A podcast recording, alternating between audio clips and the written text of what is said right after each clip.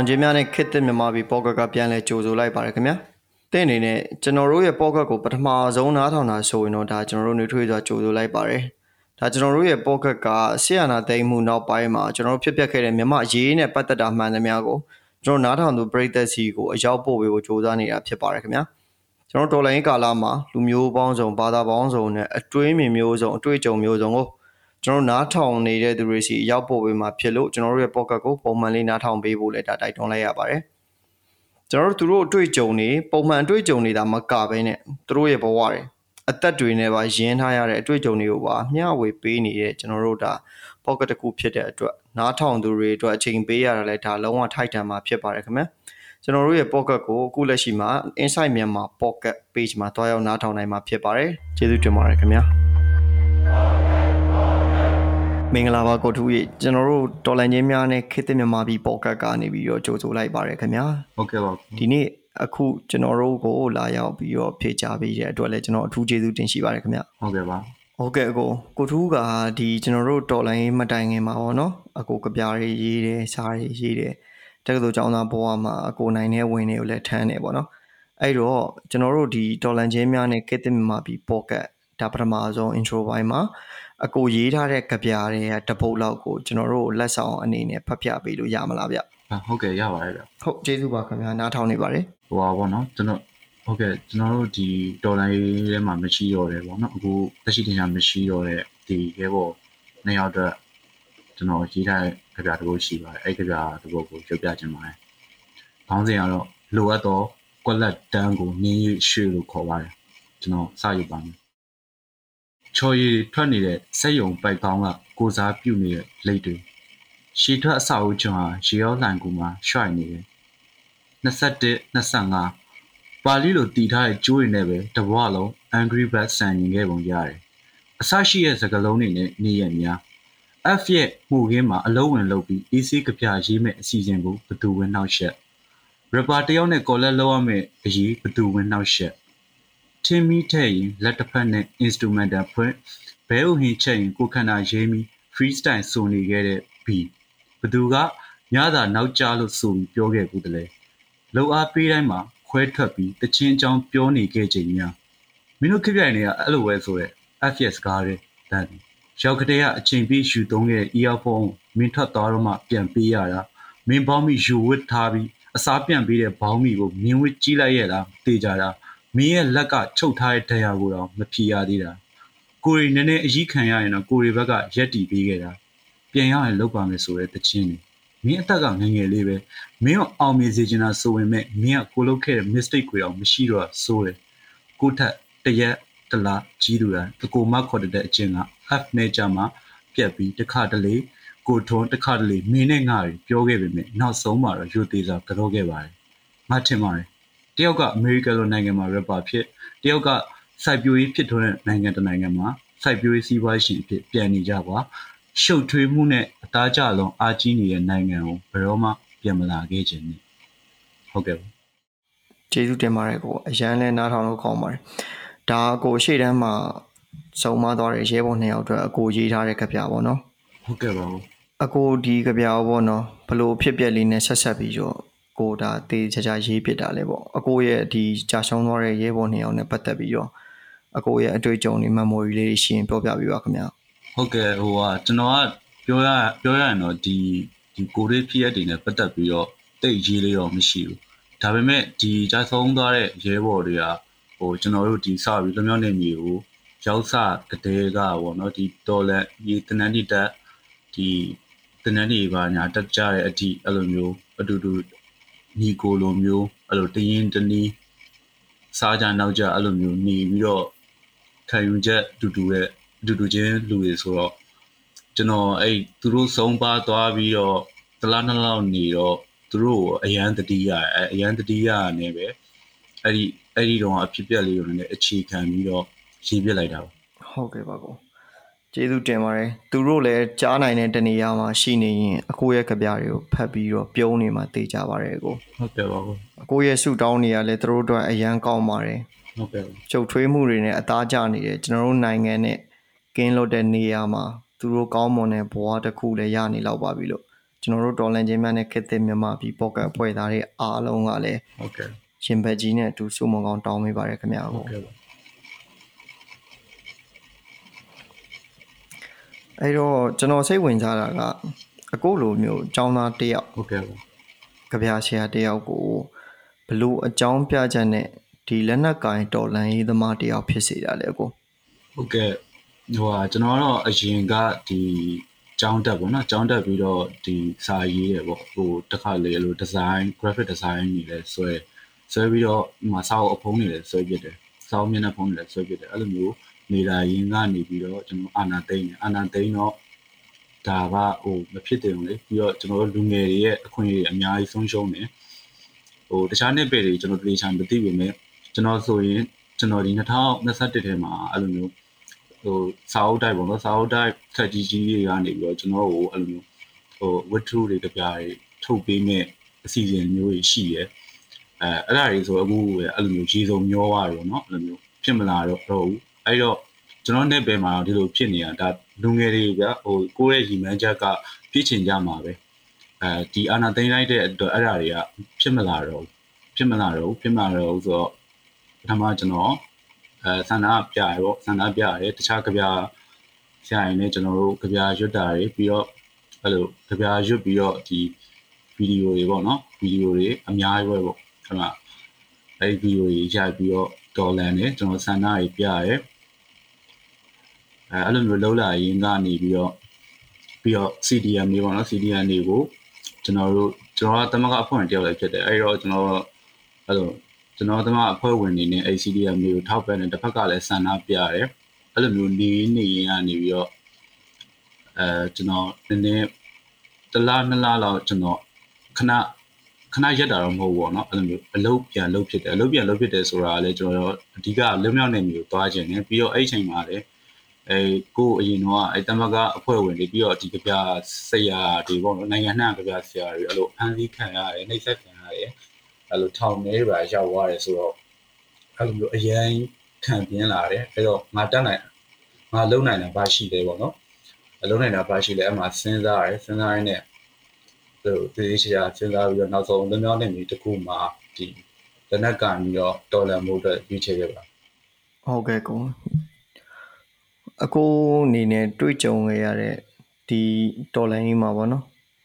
လွန်မြောက်နေမိမှာအကိုပြောသလိုဒါဘာပဲပြောပြောအများကြီးចောင်းသားတူတွေရောခုနကပြောစာရေးဆရာတွေရောအထူးသဖြင့်ပေါ့ဗျာပညာတတ်တွေတကယ်စဉ်းစားတွေးခေါ်နိုင်တဲ့သူတော်များများကို ဒီစစ်ကောင်စီအထောင်နဲ့ဆွဲထည့်လိုက်တာမျိုးတွေရှိတယ်ပြီးရင်တက်ပစ်လိုက်တာမျိုးတွေဒါတွေကနှိမ့်ဆက်တူကတွေ့နေရတာပေါ့နော်အဲ့လိုအချက်တွေကအကိုကိုဒါဘာပဲလက်နက်ကင်တော်လိုင်းသမားတယောက်ဖြစ်စေတာပေါ့နော်ဟုတ်ကဲ့ဒီတော်လန်ရေးမှာပါဝင်ကြသူတွေကဟိုလက်ပဲအစုံတော့ဘောနော်စီးပွားရေးလုပ်ငန်းရှင်လည်းပါတယ်ဟိုဒီ musical ဘိုင်းက musical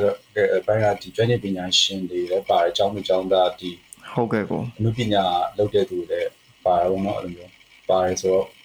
ဟုတ်ကဲ့ကိုဟိုလူဒန်းစားဘောင်းဆောင်တော်လန်ကြတဲ့တော်လန်ကြီးပေါ့နော်ဒီစနေကြီးကိုမကြိုက်တော့အဲ့လိုတော့မြင်ပါတယ်ကျွန်တော်ကျေးဇူးတင်ပါတယ်ကိုဒါဆိုတာအကိုတော်လိုင်းရေးမတိုင်ခင်ပေါ့နော်အထူးသဖြင့်ဆက်အာနာမသိငခင်ကအကိုအနေနဲ့ဒါစာရေးဆရာတယောက်ဖြစ်ဖို့အတွက်ဒါအကိုအများကြီးစီစဉ်ထားပြီးသားဖြစ်ပြီပေါ့နော်ကိုဟုတ်ကဲ့ဗျအဲအဲ့လိုစီစဉ်ထားတာမဟုတ်ပေမဲ့အဲ့လိုမျိုးပေါ့နော်ဘယ်လိုပြောမလဲအဲ့လိုတဆင့်ချင်းပေါ့နော်သွားသွားရအောင်ငါတို့ဒီနှစ်ထဲမှာဒီလိုလေးဟို ဘာပဲဖြစ်ဒီ online မှာရေးနေရတဲ့စာရင်အဲကိုယ်စာကိုကြိုက်လို့အဲ့လိုထုတ်ပြီးတဲ့ဘန်းကဟိုစာအုပ်လေးဖြစ်လာတော့ဟိုပို့ပြီးတော့လည်းအဆင်ပြေအောင်เนาะဒီဖတ်တဲ့သူတွေဒီစာအုပ်လေးအကောင့်တွေရှိပါအဲ့လိုမျိုးမျှော်လင့်ချက်တွေတယ်ပေါ့နော် ဟုတ်ကဲ့ အဲ့နေတာဟိုမှာကျွန်တော်မျှော်လင့်ချက်အဲ့လိုအရိုက်ချိုးခံလိုက်ရတယ်လို့မျိုးအဲ့လိုမျိုးခံစားရတယ်ပေါ့ ဟုတ်ကဲ့ပါကိုအခုအကိုဒီလွမြောက်နေမြေမှာပေါ့ဗျာအကိုသွားပြီးတော့ခိုးလုံးနေဘာပဲပြောဒီဒေါ်လာရင်းအတွက်ဆက်ပြီးတော့တိုက်ပွဲဝင်မယ်ပေါ့ အဲ့ဒီချိန်နေနဲ့ပတ်သက်ပြီးတော့အကိုဒီအမျိုးသားညီညွတ်ရေးအစိုးရအကိုအကိုသူ့ရှီကနေအကူအညီပါတွေကူညီထောက်ပံ့မှုတွေပါရတာမျိုးရှိလားဒါမှမဟုတ်သူတို့နဲ့အဲ့လိုမျိုးဆက်သွယ်မိတာမျိုးသူတို့နဲ့ပတ်သက်ပြီးတော့အကိုကိုထိရောက်တဲ့ guideline တွေပါပေးတာမျိုးရှိလားကိုဟုတ်ဟိုကကျွန်ကျွန်တော်ကစသွားကလေးကကျွန်တော်လွမြောက်နေမျိုးကိုအရင်ဆုံးရောက်နေတဲ့ဟိုတငယ်ချင်းအပေါင်းအသင်းတွေရှိရပေါ့နော်ဒါပေမဲ့သူတို့စီဆက်သွယ်ကြည့်တဲ့အခါမှာတော့ဟိုဘယ်လိုဟိုဟို ဒီလိုဘယ်လိုရမလဲအဲခေါ်ဖို့အစင်မပြေဘူးပေါ့နော်အစင်မပြေတော့ကျွန်တော် live စုံစမ်းတယ်ဒီကျွန်တော် internet ပေါ်ကနေပဲကျွန်တော်ရုံရုံရမဲ့လူတွေကနေတဆင်အဲ့လိုမျိုး live စုံစမ်းတယ်အဖွဲ့၄၅6ဖွဲ့လောက်ပေါ့နော်အဲ့လိုမျိုး live စုံစမ်းပြီးတော့အဲကျွန်တော်အဲ့လို form ကြီးအဲ့လိုဖြည့်ရတယ်နိုင်ငံအနှံ့ပေါ့နော်အဲ့လိုမျိုးအဲ့လိုမျိုးဘယ်အဖွဲ့သွားသွားပေါ့နော်အဲ့လိုမျိုးဖြည့်ရဖြည့်ပြီးတော့ကျွန်တော်ပထမဆုံးကျွန်တော်ဆက်သွယ်လာတဲ့အဖွဲ့ပေါ့နော်အဲဆက်သွယ်လာတဲ့အဖွဲ့ရှိရဲအဖွဲ့ရှိတော့ အဲကျွန်တော်စကားတွေပါပြောပြတော့အဆင်ပြေအဆင်ပြေတော့ဒါနဲ့ကျွန်တော်အဲ့ဒီတခါလေအဲ့ဒီကိုပဲတွားလိုက်တယ်ပေါ့အဲအဲ့ဒီမှာအဲ့ဒီနေရာမှာတိုက်တက်မှာတော့ပေါ့နော်ကျွန်တော်တည်ရလူပါညာတော့မရှိဘူးဗျအဲကျွန်တော်ဒီတိုင်းပဲသူဖိတ်ခေါ်ရလူကိုယုံကြည်ပြီးတော့ကျွန်တော်ဒီတိုင်းပဲတက်ရောက်သေးပဲအဲအဲ့လိုတွားလိုက်တာပေါ့ဟုတ်ကဲ့ကိုကျွန်တော်တော်တော်လေးလေးစားတယ်ကိုပြီးတော့လဲဟိုဘယ်လိုပြောမလဲ ကိုတော်တော်လေးတတိရှိရယ်ဘာပြောတာဟုတ်ဟိုဘောပင်ကိုင်းနဲ့လက်ဗျာကိုရှပြီးတော့လက်နက်ကင်ရတော့မယ်ဆိုတဲ့အနေထားမှာကိုဘောကိုတယောက်တည်းပဲဒါရေးရင်းရင်းနဲ့ထွက်ချလာလိုက်တာဟုတ်ဟိုတယောက်တည်းလာအဲ့လိုစိတ်လို့ရှားတာရောရှိရပါတော့အဲ့လိုမျိုးအာရောက်ရောရောက်အောင်မှာဒါမှမဟုတ်လမ်းမှာပဲတခုဖြစ်မလားအဲ့လိုမျိုးစိတ်လို့ရှားမှုကောင်းများစွာနဲ့ပဲအဲ့လိုမျိုးသွားလိုက်ရတာပေါ့ဒါဟောအကိုရေအကိုသာဒါဒီလိုလန်ခီကိုရှိမလို့ရှာမယ်နဲ့အေးစေးပေါ်ပါလာနိုင်နေဆိုရင်တော့ဒါတက်ခုခုပဲကို ကျွန်တော်လည်းနီလန်းနေပါမေးရတော့မအနေထားဖြစ်သွားပြီ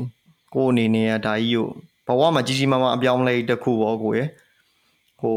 ဘယ်လိုပြောမလဲចောင်းသားတယောက်အနေနဲ့ကြပြဆရာတယောက်အနေနဲ့ကိုဘာပဲပြောအကြီးမားချိန်သွားတာပေါ့အဲ့တော့အကိုအနေနဲ့တွေ့ကြုံရတဲ့ဒီတော်လိုင်းခရီးချမ်းမှာတော့ဒါဘာပဲပြောအမှတ်တရများစွာတော့ရှိမှာပဲကိုအဲ့ထဲက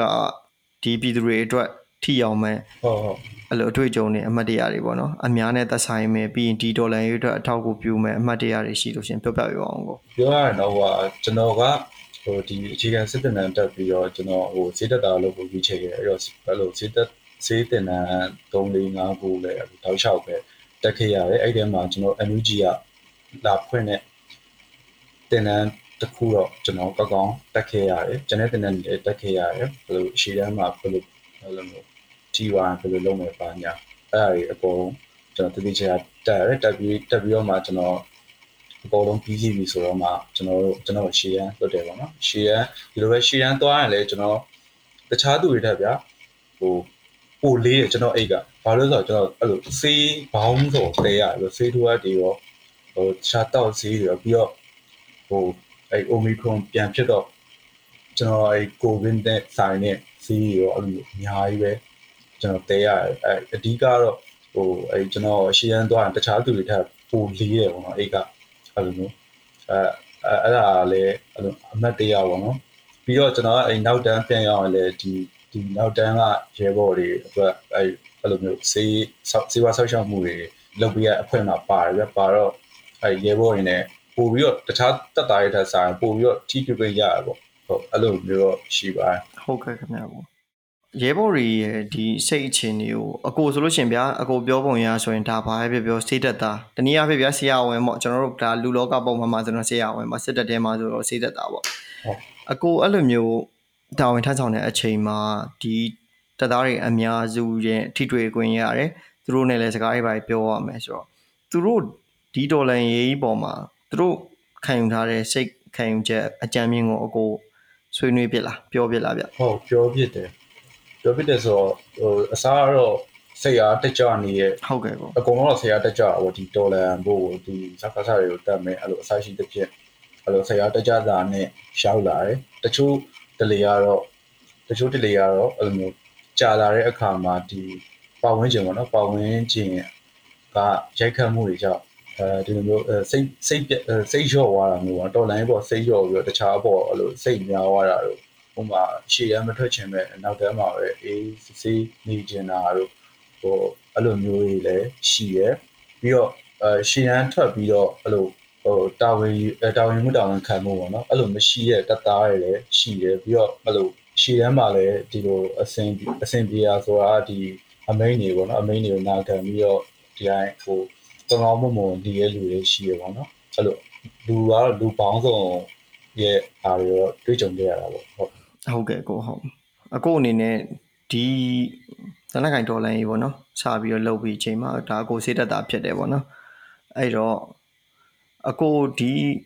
တိုက်ပွဲတွေဖြစ်တဲ့အချိန်မှာပေါ့နော်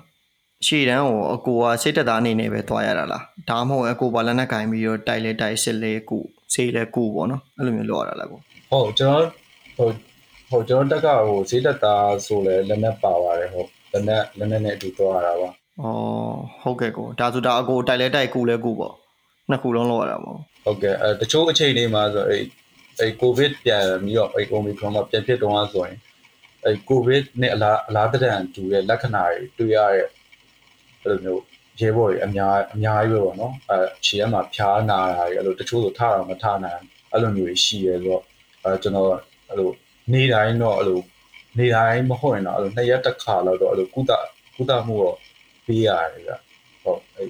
ကိုဗစ်ဖြစ်ပြန်ဖြစ်တော့အောင်တချို့အချိန်တွေမှာလည်းအဲ့လိုနှာစီးချောင်းဆိုအဓိကတော့ဟိုရှီတန်းမှာကြာတော့ဗျာဟိုဘာမှမပါဘူးဗျာအမိုးကမပါဘူးမဆောင်းထဲမှာဆိုရင်ကျွန်တော်တို့ဒီတိုင်းအဲ့အဲ့ဒူးမြောင်းထဲမှာကျွန်တော်အိတ်ရတယ်ဟိုဘာအကာအကွယ်မှလည်းမပါဘူးကျွန်တော်တို့စောင်းတစ်ထည့်ပါတယ်မနေ့ဆိုအဲ့လိုစောင်းငါးစီဆူရွှဲရနှင်းနေကြလို့အဲဒါမဲ့အဲ့လိုမျိုးချမ်းမိမဲ့လည်းခြုံရမရှိဘူးအဲသူကကရုတ်ကရုတ်ကျင်းထဲမှာဆိုရင်အဲ့လိုနှစ်ယောက် ကိုတချင်းထားတာဆိုတော့အဲ့ကိုဘေးကရဲပေါ်နေပဲဒီလားပူးပြီးတော့အဲ့ရတခါတလေအဲ့လိုခြေတန်းမှာအဲ့လိုခွေးလိမ်ပါလေးရှိတယ်သူတို့ကလာလာအဲ့ရသူတို့နဲ့ပါလို့ပူးပြီးတော့တည်မှာအဲ့လိုခဏကိုချင်းကတ်နေတော့နှွေးရပါပေါ့အဲ့လိုမျိုးအိပ်ရတာမျိုးတွေအဲ့လိုမျိုးတွေတော့ရှိရပါပေါ့အဲ့လိုမျိုးဆိုရင်ဒီဒီနှာဆေးချောင်းဆိုးတို့ဘာတို့ကတော့အမြဲတမ်းလို့လို့အဲ့လိုခြေတန်းမှာကူကူရတဲ့ယောဂတွေပေါ့ ဒါဆိုကျမ်းမိုက်ဆောင်ရှောက်မှုကြတော့အကိုတို့လိုပဲတက်တာတွေပဲလားဒါမှမဟုတ်လို့ရှိရင်သူတို့တီးတန့်ဟိုတခြားဝိုင်းမင်းပံ့ပိုးပေးတယ်ဥပမာကျမ်းမာတွေအတွက်တီးတန့်ပေါ့ဒီအဲ့လိုအဖွဲ့အစည်းတွေရှိလားကောကျမ်းမာတွေအတွက်တီးတန့်ထောက်ပံ့ပေးတဲ့အဖွဲ့အစည်းတွေပါရှိလားဟုတ်ကဲ့အဲ့လိုမျိုးဟိုတတိကျကျတိတိကျကျဖွဲ့ပြီးတော့မရှိဘူးဒီလိုရဲဘော်ဒီရဲ့ဒီချိတ်တွေကနေပဲတဆင်ဒီဒီကျွမ်းကျင်တဲ့ဒီစေတတ်သားတွေပေါ့နော်စေတတ်သားတွေစေတတ်သားခေါင်းဆောင်တွေကနေပြီးတော့အဲ့လိုမျိုးဟို ဆေးတွေကိုဝယ်ယူစုဆောင်းပြီးတော့လှုပ်ဆောင်ရပါတယ်ပေါ့။အော်ဟုတ်ကဲ့ကောအဲ့လိုတိတိကျကျတတိကျကျဖွဲ့စည်းမျိုးတော့မရှိပါဘူးဟုတ်။အကိုဒီကျွန်တော်တို့ဒီလက်နက်ကင်ဒေါ်လာကြီးကိုလက်နက်ကင်ဒေါ်လာကြီးကိုကျွန်တော်တို့စပြီးတော့ဟိုလှုပ်ပြီးပေါ့နော်။အကိုအနေနဲ့လည်းဒါလက်နက်ကင်ဒေါ်လာကြီးမှာပါဝင်ပြီးအကိုအနေနဲ့ဒီဒေါ်လာကြီးနဲ့ပတ်သက်ပြီးတော့ပုံမှန်ဆန္ဒပြတဲ့အချိန်မှာဒီဒေါ်လာကြီးမှာထားတဲ့မျှော်လင့်ချက်ပေါ့။ လက်နက်ကင်ပြီးရဲ့နောက်မှာဒီဒေါ်လာကြီးမှာထားတဲ့မျှော်လင့်ချက်ဘယ်လိုကွာဟာမှုရှိလဲကိုဟုတ်ဟိုဆန္ဒပြဆန္ဒပြတာနဲ့ဒီလက်နက်ကင်ဒေါ်လာနဲ့အဓိကကတော့ကျွန်တော်တို့ဒီအာနာအာနာရှင်အစိုးရဒီစစ်အာနာရှင်အစိုးရလုပ်ကြလုပ်ကြဖို့ပေါ့နော်အဓိကပြင်မရည်ရချက်ကတော့ဒီဟာပဲပေါ့နော်အာကျွန်တော်တို့ဒီလက်နက်ဟိုဆန္ဒပြတာနဲ့မလုံတော့တော့ကျွန်တော်တို့သိလာတာကဒီကောင်တွေမရှိတော့မှအေးမယ်ပေါ့နော်အဲတော့ဒီကောင်တွေကို ဟိုတက်ပစ်လိုက်မယ်တက်ပစ်လိုက်ပြီးကျွန်တော်တို့ရိုးရှင်းမဲ့တွေ့ရတက်ပစ်လိုက်မယ်တက်ပစ်လိုက်လို့အင်အားကြီးနဲလာမယ်အဲ့လိုအင်အားနဲလာတဲ့အခါမှာဒီကောင်တွေတဖြည်းဖြည်းတဖြည်းဖြည်းပေါ့နော်အဲ့လိုသူတို့ရဲ့အင်အားကြီးရောလာမယ်သူတို့ဘက်အပိုင်းအကျွမ်းကျင်ပညာရှင်တွေရောလာတယ်ရောလာတဲ့အခါမှာဒီပြည်သူတွေရဲ့ဆန္ဒကိုသူတို့မတောက်ခံနိုင်တော့ဘူးပြည်သူတွေရဲ့ဆန္ဒတွေကအဲ့လိုမီးလို့မီးလို့တောက်လာပြီးတော့သူတို့ဝါမြူဝါမယ်ကျွန်တော်ကတော့အဲ့လိုမျိုးခံစားပြီးအဲ့လိုခံစားမိပြီးတော့ကျွန်တော်လက်နက်ကင်ဒေါ်လာရေးရွေးချယ်ပြီးတော့ အဲ့လိုတတိချာချာတော့အဲ့အဲ့လှုပ်ဆောင်တော့တတိချာချာတော့လှုပ်ဆောင်ပြခဲ့ပါတယ်အခုလက်ရှိအချိန်မှာကြတော့ဗျာစစ်တပ်ကလည်းမြေပြင်လွှမ်းမိုးမှုကိုတွန်းပြီးတော့လုပ်တယ်ဥပမာပြည်သူလူထုကြားထဲမှာဗျာဒီမှာနိုင်ငံကြီးကပုံမှန်ဖြစ်နေပါရဆိုတော့ပြရုပ်ကြီးကိုသူကမီးမောင်းထိုးခြင်းနေတယ်ပေါ့အဲ့ချိန်မှာပြည်သူတွေကြတော့လေပုံမှန်ဆိုရင်ပုံမှန်ထက်အဆဆရရအရန်ဒုက္ခရောက်တယ်ဗျာလုံးလဲချလဲလိုက်တယ်ပေါ့တစ်ဖက်မှာလည်းတော်လိုင်းအင်အားစုတွေကအခုကနိုင်ငံကြီးကပုံမှန်မဟုတ်ဘူး ဒါအာနာသိန်းခံထားရတယ်ပြီးတော့လူတွေရဲ့အခွင့်အရေးတွေနေကျင်တဲ့အမြတ်ဆုံးရှုံးနေတယ်ဒါတွေကိုလည်းပြည်သူတွေသိစေချင်တယ်ပေါ့အဲ့တော့ဒီမှာသုံးပိုင်းဖြစ်နေတာပေါ့နော်ဒီရှက်အာနာရှင်ရဲ့ပြည်သူရဲ့တော်လိုင်းအင်အားစုတွေရဲ့ဆိုပြီးဖြစ်နေတယ်အဲ့တော့ကျွန်တော်တို့ကျွန်တော်မိကုံပါပေါ့နော်ဒီချိန်မှာအကိုပြောသလိုပြည်သူတွေရဲ့ဆန္ဒပေါ့နော်ပြည်သူတွေရဲ့ဆန္ဒက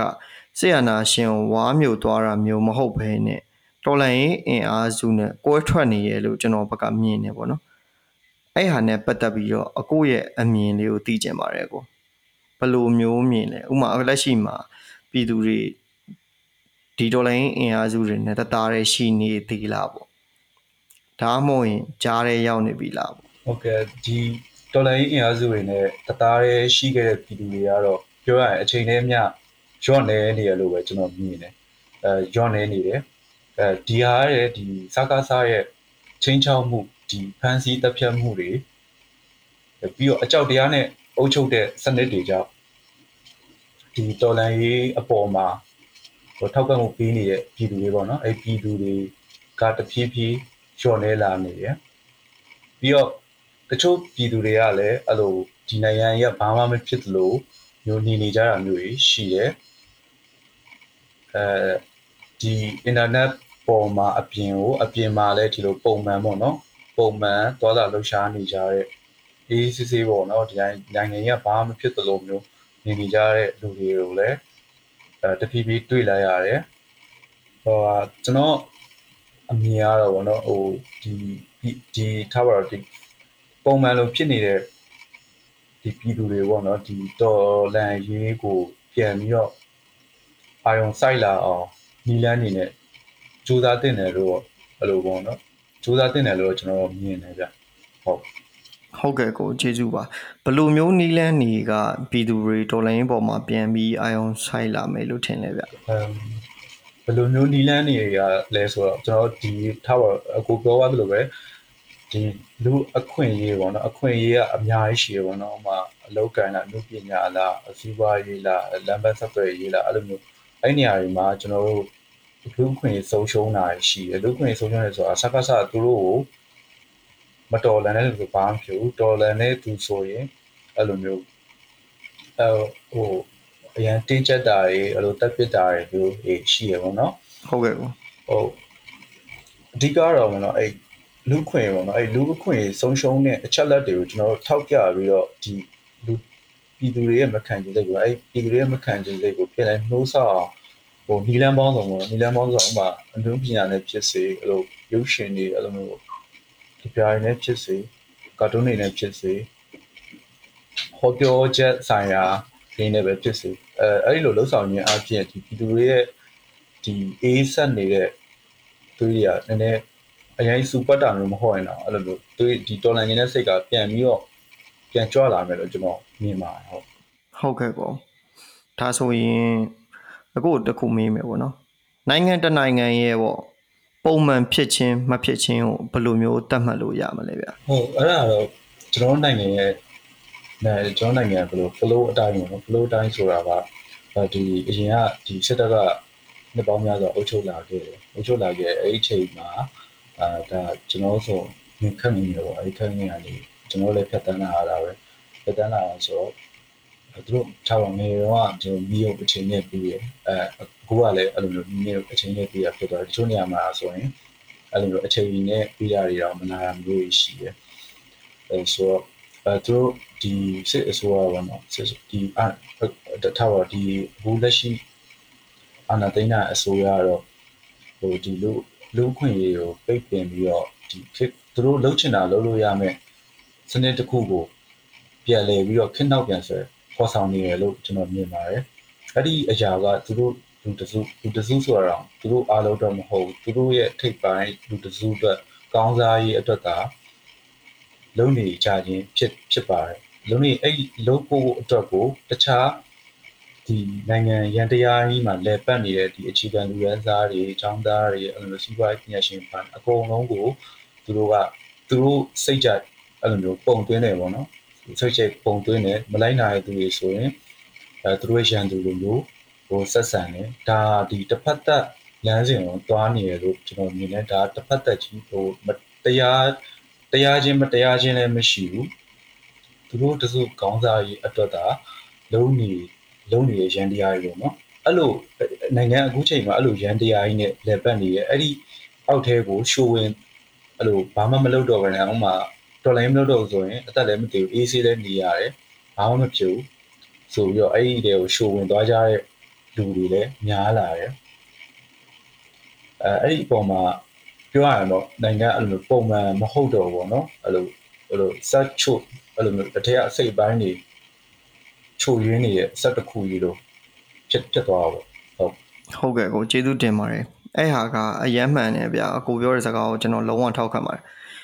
နိုင်ငံကိုဗျာသူတို့အနေနဲ့သူတို့သူတို့သာအရှင်ပြေမယ်ဆိုတဲ့အတိုင်းအတာတစ်ခုကိုတော်တော်လေးကိုသူတို့စီစဉ်ခဲ့တာ။ဘာကြောင့်လဲဆိုတော့ဒီမြန်မာနိုင်ငံကိုကောင်းကောင်းအုပ်ချုပ်လာတဲ့ဒီကောင်တွေမှာအတွေ့အကြုံရှိရပေါ့နော်။မြန်မာလူမျိုးတွေရဲ့ flow ပေါ့မြန်မာလူမျိုးတွေ flow ကိုသူတို့ကကောင်းကောင်းသိရပြီးတော့တစ်ဖက်မှာလည်းကျွန်တော်တို့ဘယ်လိုပြောမလဲ brain wash လို့ခေါ်တာပေါ့ကျွန်တော်တို့ဒီကိစ္စတစ်ခုကိုပဲယုံကြည်လာအောင်ဖန်တီးနိုင်စွမ်းသူတို့မှာရှိတယ် တစ်ဖက်ကကျွန်တော်တို့ဒေါ်လာရင်းအင်အားစုတွေကဒါစစ်တပ်ကို short တွတ်ထားလို့မရဘူးပေါ့နော်အခုပြောသလိုမျိုးလူတွေကိုလုံးဝဒါနဲ့ပဲအဆင်ပြေပါတယ်ဆိုတော့စနစ်တစ်ခုကိုသူတို့ကတီးဆောက်နေတာတစ်ဖက်မှာတော့သူတို့အတွက်တော့များစွာအကျိုးရှိရဲဒါပေမဲ့ပြည်သူကတော့ကဲမင်းတို့ဒီမှာတော့ဒါပဲစားဒါနဲ့ပဲအဆင်ပြေတယ်ဒါစားလဲအသက်ဆက်ရှင်ပဲဆိုတော့ပုံစံမျိုးလောက်ပဲဗျာကျွန်တော်တို့မသေးထမင်းမသေးဟင်းပေါ့ဒီပုံစံမျိုးစနစ်မျိုးတကယ်အသက်သွင်းနေတာပါကိုဒါကြောင့်ကျွန်တော်တို့နိုင်ငံက ဒီဆရာနာရှင်လက်အောက်ကနေပြီးတော့ဘာပဲပြောရုံးထွက်ဖို့အကုန်လုံးကစူးစမ်းနေကြတာပေါ့နော်ဒါကိုပြည်သူတွေအားလုံးသိမြင်လာဖို့အရေးကြီးပါတယ်နော်ကိုဟုတ်ကဲ့ကျေးဇူးတင်ပါတယ်ကိုဒါကြောင့်မို့လို့လဲဒါကျွန်တော်တို့အကိုတို့လိုလူမျိုးတွေကိုကျွန်တော်တို့ဒီဒေါ်လန်ကျေးများနဲ့ခဲ့တဲ့မြန်မာပြည်ပေါ့ကံမှာဖိတ်ခေါ်ပြီးတော့ဒါကျွန်တော်တို့မေးမြန်းရတာပါအဲ့ဒါမှဒါဘာပဲပြောပြည်သူတွေသိမယ်ဗျာအချို့ကြတော့ဟိုအရင်ကတည်းကနေလာတဲ့ပုံစံတိုင်းသွားတာပေါ့ဗျာဥမာတိုင်းသားတိုင်းသားဒေသတွေမှာမဟုတ် တိုင်းသားဒေသတွေမှာအရန်ဒုက္ခရောက်တာတွေဖြစ်နေတဲ့ပြဿနာတွေပြီးရင်ဒီစစ်တပ်ရဲ့အနိုင်ကျင့်နှိပ်စက်မှုတွေရက်စက်မှုရုပ်မာမှုတွေဒါပေမဲ့ဒါတွေကိုကျွန်တော်တို့သိပေမဲ့သတင်းတပုတ်လိုပဲထားခဲ့ကြတာ哦တကယ်လက်တွေ့ကြုံတွေ့တဲ့အခါကျမှကိုယ်ရင်းစားကြတာအဲဒီနေသားတစ်ခုမှာအခုလက်ရှိခုနအကိုပြောသလိုစစ်အာဏာရှင်ရဲ့စနစ်အောက်ကိုတိုးဝင်နေတဲ့သူတွေအနေနဲ့သိရမှာကကျွန်တော်တို့အနာဂတ်ဒီမြန်မာနိုင်ငံဆိုတာကိုကျွန်တော်တို့ကဘယ်လိုပြောမလဲ ကြုံဘူးပြီးွားပြီဗျာဒီကျွန်တော်တို့9နှစ်တာကာလပေါ့နော်ဒေါ်စန်းစီဆိုရလက်ထက်မှာဆိုအများကြီးအပြောင်းလဲမှုတွေရှိရဲနိုင်ငံနဲ့ပတ်သက်ပြီးတော့လည်းပြီးရင်တိုင်းသားဒေသတွေမှာအရင်အထက်ပို့ပြီးပြောင်းလဲတာတွေလည်းအများကြီးရှိတယ်ဒီလိုအခြေအနေမျိုးဆိုတော့ကျွန်တော်တို့အသေးသေးလေးပဲရှိသေးတယ်ကြုံမှုပြီးွားတယ်ဒီချက်အများကြီးတိုးတက်ပြောင်းလဲလာဖို့ပဲရှိတော့တယ်ပေါ့နော်ဒါကိုသူတို့ပို့ပြီးတော့သိမြင်လာအောင်ကျွန်တော်တို့ဝိုင်းဝန်းကြိုးပမ်းပြီးမယ်ဆိုရင်တော့ကျွန်တော်တို့တော်လိုင်းရေးကြီးကကိုသူပြောသလိုမျိုးပေါ့နော်လုံးဝပြည်သူတွေရဲ့စိတ်ဆန္ဒမိတော့က ဒီအာနာရှင်တွေကိုဝါးမြုပ်သွားနိုင်မှာပေါ့နော်ကိုဟုတ်ကဲ့ပါဟုတ်ကဲ့ကိုအကိုဒီလက်ရှိမှာပေါ့နော်အကိုစူးစမ်းတယ်တော်လိုင်းအတွက်လည်းအကိုနိုင်တဲ့ဝင်ကိုထမ်းတယ်ပေါ့နော်အဲ့ဒီအတွက်အကိုမှမျောလင်းချက်ရှိမှာပဲဟုတ်ဟိုကျွန်တော်အစစောစောကပြောခဲ့သလိုပဲကျွန်တော်ဆန္ဒကတော့လူရှင်ပါတယ်ဒီဆက်အဓိကတော့ဆရာနာရှင်ပြုတ်ဒီသူရဲ့စနစ်ကြီးပြုတ်ကြပြီးတော့ကျွန်တော်ပြည်သူတွေပေါ့နော်အာပြည်သူတွေအစဉ်ပြေပြေနဲ့ဒီ ကိုကိုရဲ့အခွင့်အလမ်းတွေကိုပြန်ရပြီးတော့အဲ့လိုမျိုးစူးစမ်းခွင့်ရရှိတဲ့နိုင်ငံပေါ့နော်အဲ့လိုနိုင်ငံကျွန်တော်ဖြစ်စေချင်တယ်အဲ့ဒါကြောင့်ပဲအဲ့လိုဖြစ်ခဲ့တာပေါ့ဟုတ်ကျေးဇူးပါကိုဘာကြောင့်ကျွန်တော်ဒီမေးခွန်းကိုခဏခဏ highlight လုပ်ပြီးတော့ပြန်ပြန်မေးပေးနေရလဲဆိုတော့ဗျာဒီဆေးအနာရှင်ရဲ့အထူးသဖြင့်သူတို့သုံးတဲ့ဒီ ဘယ်လိုပြောမလဲ mind attack ပေါ့ဗျာစိတ်ကိုဒုက္ခပေးတဲ့ဟာကကျွန်တော်တော်လိုင်းရေးသမားတွေဆိုတာပြည်သူတွေကိုဒုက္ခပေးနေတာပြည်သူတွေကိုဘယ်လိုမျိုးအမျိုးမျိုးဒုက္ခပေးနေတာပေါ့နော်အဲ့တော့လက်ရှိပြည်သူအများစုကသူတို့ဒီတော်လိုင်းသမားတွေရဲ့တကယ်စိတ်ရင်းစေတနာကိုနားလည်ရမယ်သိရမယ်ပြီးရင်သူတို့ပို့ပြီးတော့မြင်လာမယ်ပေါ့နော်သူတို့ဘာကြောင့်လက်နက်ကင်လဲနောက်ဆုံးဗျာဆရာဝန်နှစ်ချက်ကင်တဲ့ကောင်တွေဘာလို့လက်နက်ကင်အင်ဂျင်နီယာတွေဗျာကျွန်တော်တို့လက်နက်ဆိုလို့အုတ်ခဲပဲရှိရယ် သူတို့တွေဘာလို့လက်နက်ကင်တာလဲပြီးရင်ဘာကြောင့်ဒီလောက်မြန်မာနိုင်ငံမှာရှိတဲ့ဆရာဝန်တွေအင်ဂျင်နီယာတွေကျောင်းဆရာတွေလူမျိုးပေါင်းစုံမြတ်နောက်ဆုံးဟိုးအောက်ခြေအလုပ်သမားเนาะဂိမ်းစော်နေတဲ့ကလေးလက်ဖက်ရည်ဆိုင်မှာဒီတိုင်းနေနေတဲ့15 16ဆိုတာကျွန်တော်တို့ကကလေးပဲအဲ့လိုလူမျိုးတွေကစဘာကြောင့်ဒီလိုမျိုးတော်လန်ရေးအတွက်အသက်ကိုပေးရတယ်ရှေ့ရန်မှာရဲရဲချွန်ချွန်တိုက်တာလဲဘာလို့အသေးခံသွားတာလဲဆိုတာဒီစစ်ကောင်စီရဲ့စနစ်အောက်ကိုခေါင်းတိုးဝင်မဲ့သူတွေနားလဲဖို့လိုပါတယ် ဒါကြောင့်ကျွန်တော်ခဏခဏမေးပေးရတာအကိုအကိုကျွန်တော်မေးကုန်လဲစိတ်ရှိရှိနဲ့ကောင်းအောင်တောက်လျှောက်ဖြေပေးနေတဲ့အတွက်ကျေးဇူးတင်ပါတယ်ခင်ဗျာဟုတ်ကဲ့ဟိုကကျွန်တော်တော်တိုင်းလုပ်တယ်ဆိုတာလေဒီဒီပါတီအသေးနေအဲအဲ့ဒါတွေကိုဟိုဟိုအစွဲရှိလို့လုပ်တာလည်းမဟုတ်ဘူးဟိုတဲ့အရင်တော့လည်းအစွဲမရှိရဘူးဒီလိုပေါ့နော်စနစ်ပေါ့နော်အဲ့မကောင်းတဲ့စနစ်တစ်ခုကိုမကြိုက်နဲ့တက်လို့ဒီလိုအခွင့်အရေးဆုံးရှုံးတယ် အဲ့လူတွေကအရှုံးလို့မျိုးနေရရုပ်သေးရုပ်လို့မျိုးပေါ့နော်အဲ့လိုမျိုးနေရတယ်အဲ့အတွက်ကြောင့်ဒါမဖြစ်တဲ့လို့ထင်ပါတယ်ဒီဒီလိုမျိုးဖြစ်ကြည့်ပါတော့အဲ့လိုမျိုးဖြစ်တဲ့လို့ထင်တဲ့အတွက်ကြောင့်တော်နိုင်ကိုစတင်ပြီးတော့လှုပ်ဆောင်နေခြင်းဖြစ်ပါတယ်ဟုတ်ကဲ့ကိုကျေးဇူးတင်ပါတယ်ကိုအကိုအနေနဲ့ဒီຫນွေဥတော်လိုင်းရေးမှာဗျာဘယ်လိုနေရာမျိုးကနေဆက်လက်ပါဝင်ဖို့စိတ်ကူးထားလဲအကိုလက်ရှိမှာကိုဒီ ဒီစေးတာဝန်နဲ့ပဲဆက်လက်တာဝန်ထမ်းဆောင်ပြီးတော့ပဲသွားမလားဒါမှမဟုတ်ရင်အကိုအနေနဲ့ဒီဘယ်လိုမျိုးနေရာချိန်ပြီးတော့ဆက်သွားဖို့ရှိလဲကိုဟုတ်ကဲ့အခုကတော့ကျွန်တော်တို့ဒီပေါ့နော်ဒီကျွန်တော်တို့ဒီလွန်မြောက်နေမျိုးတွေကပဲစကားစားမဟုတ်တဲ့ပေါ့နော်ဒီအာနာအာနာရှင်တွေရှိပါသေးတယ်အဲဒီအာနာရှင်တချို့ကြောင့်ပေါ့နော်ကျွန်တော်တို့အဲလက်နက်ကင်လမ်းစဉ်ပေါ့နော်အဲလမ်းစဉ်အောင်ဆက်သွားဖို့ မဖြစ်နိုင်ဘူးစိတ်ကလည်းအစဲမပြေတော့အဲ့ဒီအတွက်ကြောင့်ကျွန်တော်ဟိုလက်နက်ကင်လမ်းစဉ်တော့ဟိုဟိုပြောတော့လက်နက်ကင်လမ်းစဉ်အောင်ချက်နားလိုက်တယ်ချက်နားလိုက်ပြီးတော့ဒီတော်လည်းရေရဲဘော်တွေတော်လည်းလုပ်နေသူတွေပြီးတော့ CDM တွေပေါ့နော်အဲသူတို့အတွက်ပေါ့နော်ကိုတက်နိုင်သလောက်အဲ့လိုဟုတ်ကဲ့ကိုပံ့ပိုးနိုင်လို့ပဲအဲအဲ့ဒါပဲကြိုးစားနေပါတယ်ဟုတ်ဟုတ်ကဲ့ကို အခုအခုလိုမျိုးဖြေပြီးတဲ့အတွက်ကျေးဇူးတင်ပါတယ်အခုနအကိုကျွန်တော်ကပေါ့နော်တစ်ချက်သတိမထားမိဘူးကျွန်တော်မေးနေနေကျွန်တော်စိတ်ထဲမှာထင်တာဒါအကိုဘာပဲပြောဆက်ပြီးတော့အကိုရဲ့ဒီစိတ်သက်သာတာဝန်ကိုဆက်လက်ထမ်းဆောင်နေပဲကျွန်တော်ထင်တာဘလို့အကြောင်းအရာမျိုးတွေကဗျာအကိုလိုမျိုးဒီလောက်ထိစိတ်သက်ခိုင်မာတယ်ပြီးတော့ဒီဒါလွတ်လပ်ရေးအတွက်ပေါ့အထူးသဖြင့်ပေါ့ဒီຫນွေဥတော်လိုင်းရေးအတွက်အသက်ပေးထားတဲ့အသက်ပေးမယ်လို့ဆုံးဖြတ်ထားတဲ့သူမျိုးရဲ့ ဆုံးဖြတ်ချက်တွေစိတ်ဓာတ်တွေကိုပြောင်းလဲနိုင်တာလေအကိုဘလို့ဆိုးရွားမှုတွေကအကိုရဲ့စိတ်ကိုပြောင်းသွားစေရလဲအကိုဟုတ်ကဲ့ဒါတော့ဟိုကျွန်တော်ကျွန်တော်ရောက်ရှိသွားတဲ့အဲဒီလူမျိုးနေမီအပိုင်းကကျွန်တော်တို့ကျွန်တော်ရဲ့ဒီတက်နဲ့ဆိုင်တယ်လို့တော့ကျွန်တော်ချိန်ပါတယ်အဲ့ဒီမှာတော့ပြောရရင်ကျွန်တော်ဒီဒီစကားစားလို့ပဲပေါ့နော်အဲ့လိုစိတ်ဓာတ်မျိုးရှိရဲ့လူတွေပေါ့နော်ဒီ ဒီစကားစားတော်လန်မှုဒီရောက်ရောက်လာပြီမဲ့သူတို့ဒီအကြောင်းကြောင်းကြောင့်ပေါ့နော်ဒီလူစက်ရလူရဖြစ်စေလို့အကြောင်းကြောင်းကြောင့်အဲ့လိုစိတ်ကြောင်းကပြောင်းလဲသွားတဲ့လူတွေအာနာရှင်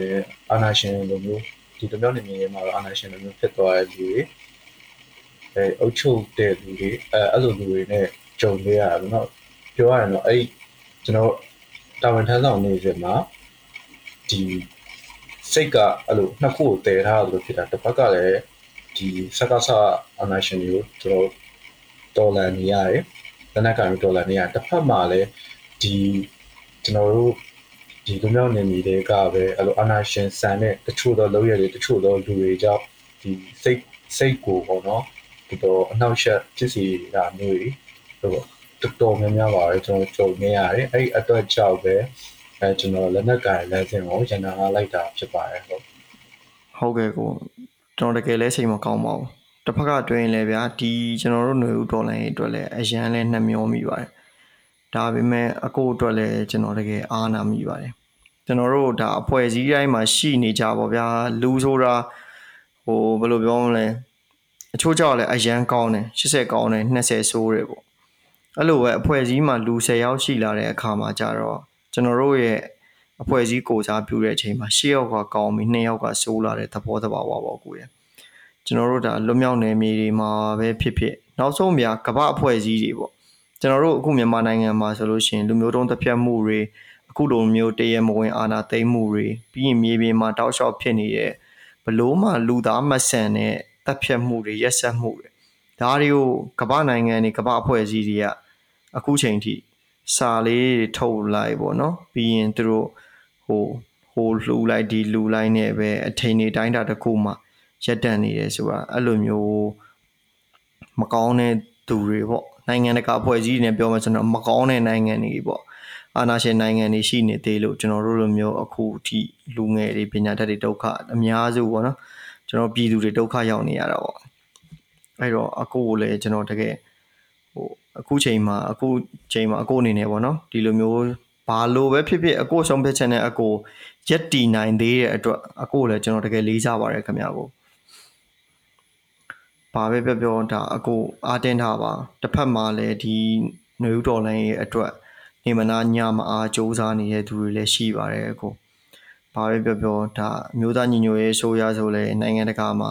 အကောင်းဆုံးသူတို့ကြိုးပမ်းနေရလဲရှိပါတယ်ကျွန်တော်တို့ကလည်းဒါ ဘာပဲပြောပြောပါဗျာသူတို့ကတော်လိုင်းရေးကာလမှာပေါ်ပေါက်လာတဲ့အစိုးရသူတို့နိုင်တဲ့လောက်ကိုလည်းတကယ်ကြိုးပမ်းနေလုံမှန်းပေးနေရလို့လဲဒါကျွန်တော်တို့အားလုံးကယုံကြည်ထားကြတာဟုတ်ဒါကြောင့်သူတို့ကိုလည်းမျှော်လင့်ရမှာပေါ့နော်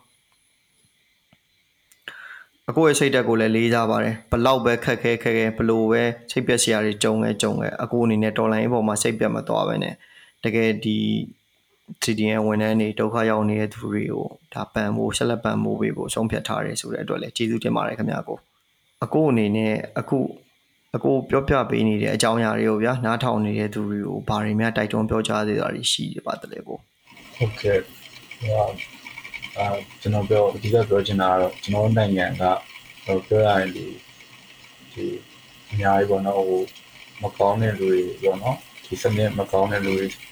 စိတ်ဓာတ်မကောင်းတဲ့လူတွေပုံချုပ်တဲ့ဂျန်လျာကြီးအောက်မှာကိုကလက်ပတ်နေရတာဖြစ်တယ်အဲ့တော့သူတို့ဂျန်လျာအောက်ကိုကို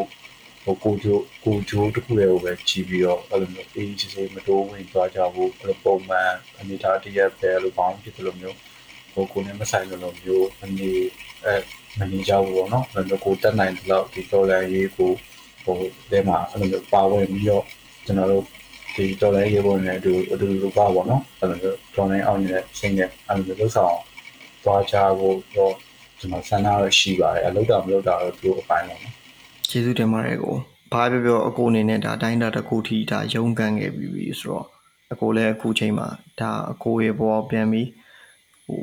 စီစဉ်ဖို့ပေါ့နော်ဒါအရေးကြီးပါတယ်ဘာပြောပြောကျွန်တော်တို့ လမ်းထူလို့လူတွေးကြတာဖြစ်တဲ့အတွက်အကိုတို့အခုလိုမျိုးနိုင်ငံအတွက်စိတ်ရင်းစေတနာနဲ့တကယ်ကြိုးပမ်းပြီးရဲကြိုးပမ်းပြီးတဲ့အတွက်လည်းအကိုတို့ဘဝကိုပြန်တိဆောက်တဲ့အချိန်မှာအကိုတို့ဝိုင်းဝန်းပံ့ပိုးပေးမယ်ကြိုးပမ်းပေးမယ်သူတွေနဲ့လည်းကြုံမှာပါကိုကျွန်တော်လည်းတကယ်အဆင်ပြေပါစေလို့ဆုမကောင်းတောင်းမိပါတယ်ခင်ဗျာကိုဟုတ်ကဲ့ဟုတ်ကဲ့ကျွန်တော်တို့ရဲ့ဒီဒေါ်လန်ချင်းများနဲ့ခေတ်သစ်မြန်မာပြည်ပေါ်ကတ်မှာအခုလိုမျိုးလာရောက်ဖြေချပေးတဲ့အတွက်လည်းအထူးပဲကျေးဇူးတင်ရှိပါတယ်ခင်ဗျာဟုတ်ကဲ့ပါကို နေ့စဉ်နေ့တိုင်းကျွန်တော်တို့ဒေါ်လန်ချင်းများနဲ့ခေတ်သစ်မြန်မာပြည်ပေါ်ကတ်ကိုနားဆင်သူတွေအတွက်အကောင်းဆုံးကျွန်တော်တို့ကြိုးပမ်းလျက်ရှိပါတယ်လက်ရှိမြေပြင်မှာမြန်မာနိုင်ငံအရေးကိုကြိုးပမ်းဆောင်ရွက်နေတဲ့သူတွေရဲ့မြေပြင်ခက်ခဲတွေအားတက်စရာတွေစိတ်ပြက်စရာတွေစိတ်တက်ခွန်အားတွေဒီလိုလုံးဝအတက်ကြများတဲ့ကျွန်တော်တို့ဒေါ်လန်ရေးကိုဒီဇိုင်းမမတ်ဖြတ်တန်းနေကြတဲ့သူတွေအကြောင်းအရာတွေ